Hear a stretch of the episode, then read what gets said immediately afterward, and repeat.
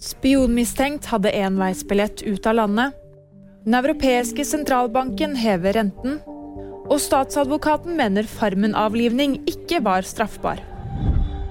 Forskeren som mistenkes for å være russisk spion, hadde kjøpt en enveisbillett ut av Norge med avreise dagen etter han ble pågrepet.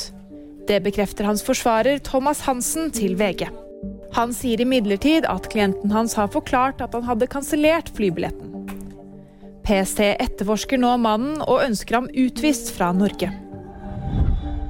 Den europeiske sentralbanken hever renten med 0,75 prosentpoeng, en såkalt trippel renteheving. Det er den andre store rentehevingen på to måneder. Dermed heves renten til 1,5% Ifølge Reuters er det den høyeste rentesatsen siden 2009. Så holder jeg, og så fikser han. Avlivningen av to kaniner som ble vist i en episode av Farmen kjendis, var ikke straffbar.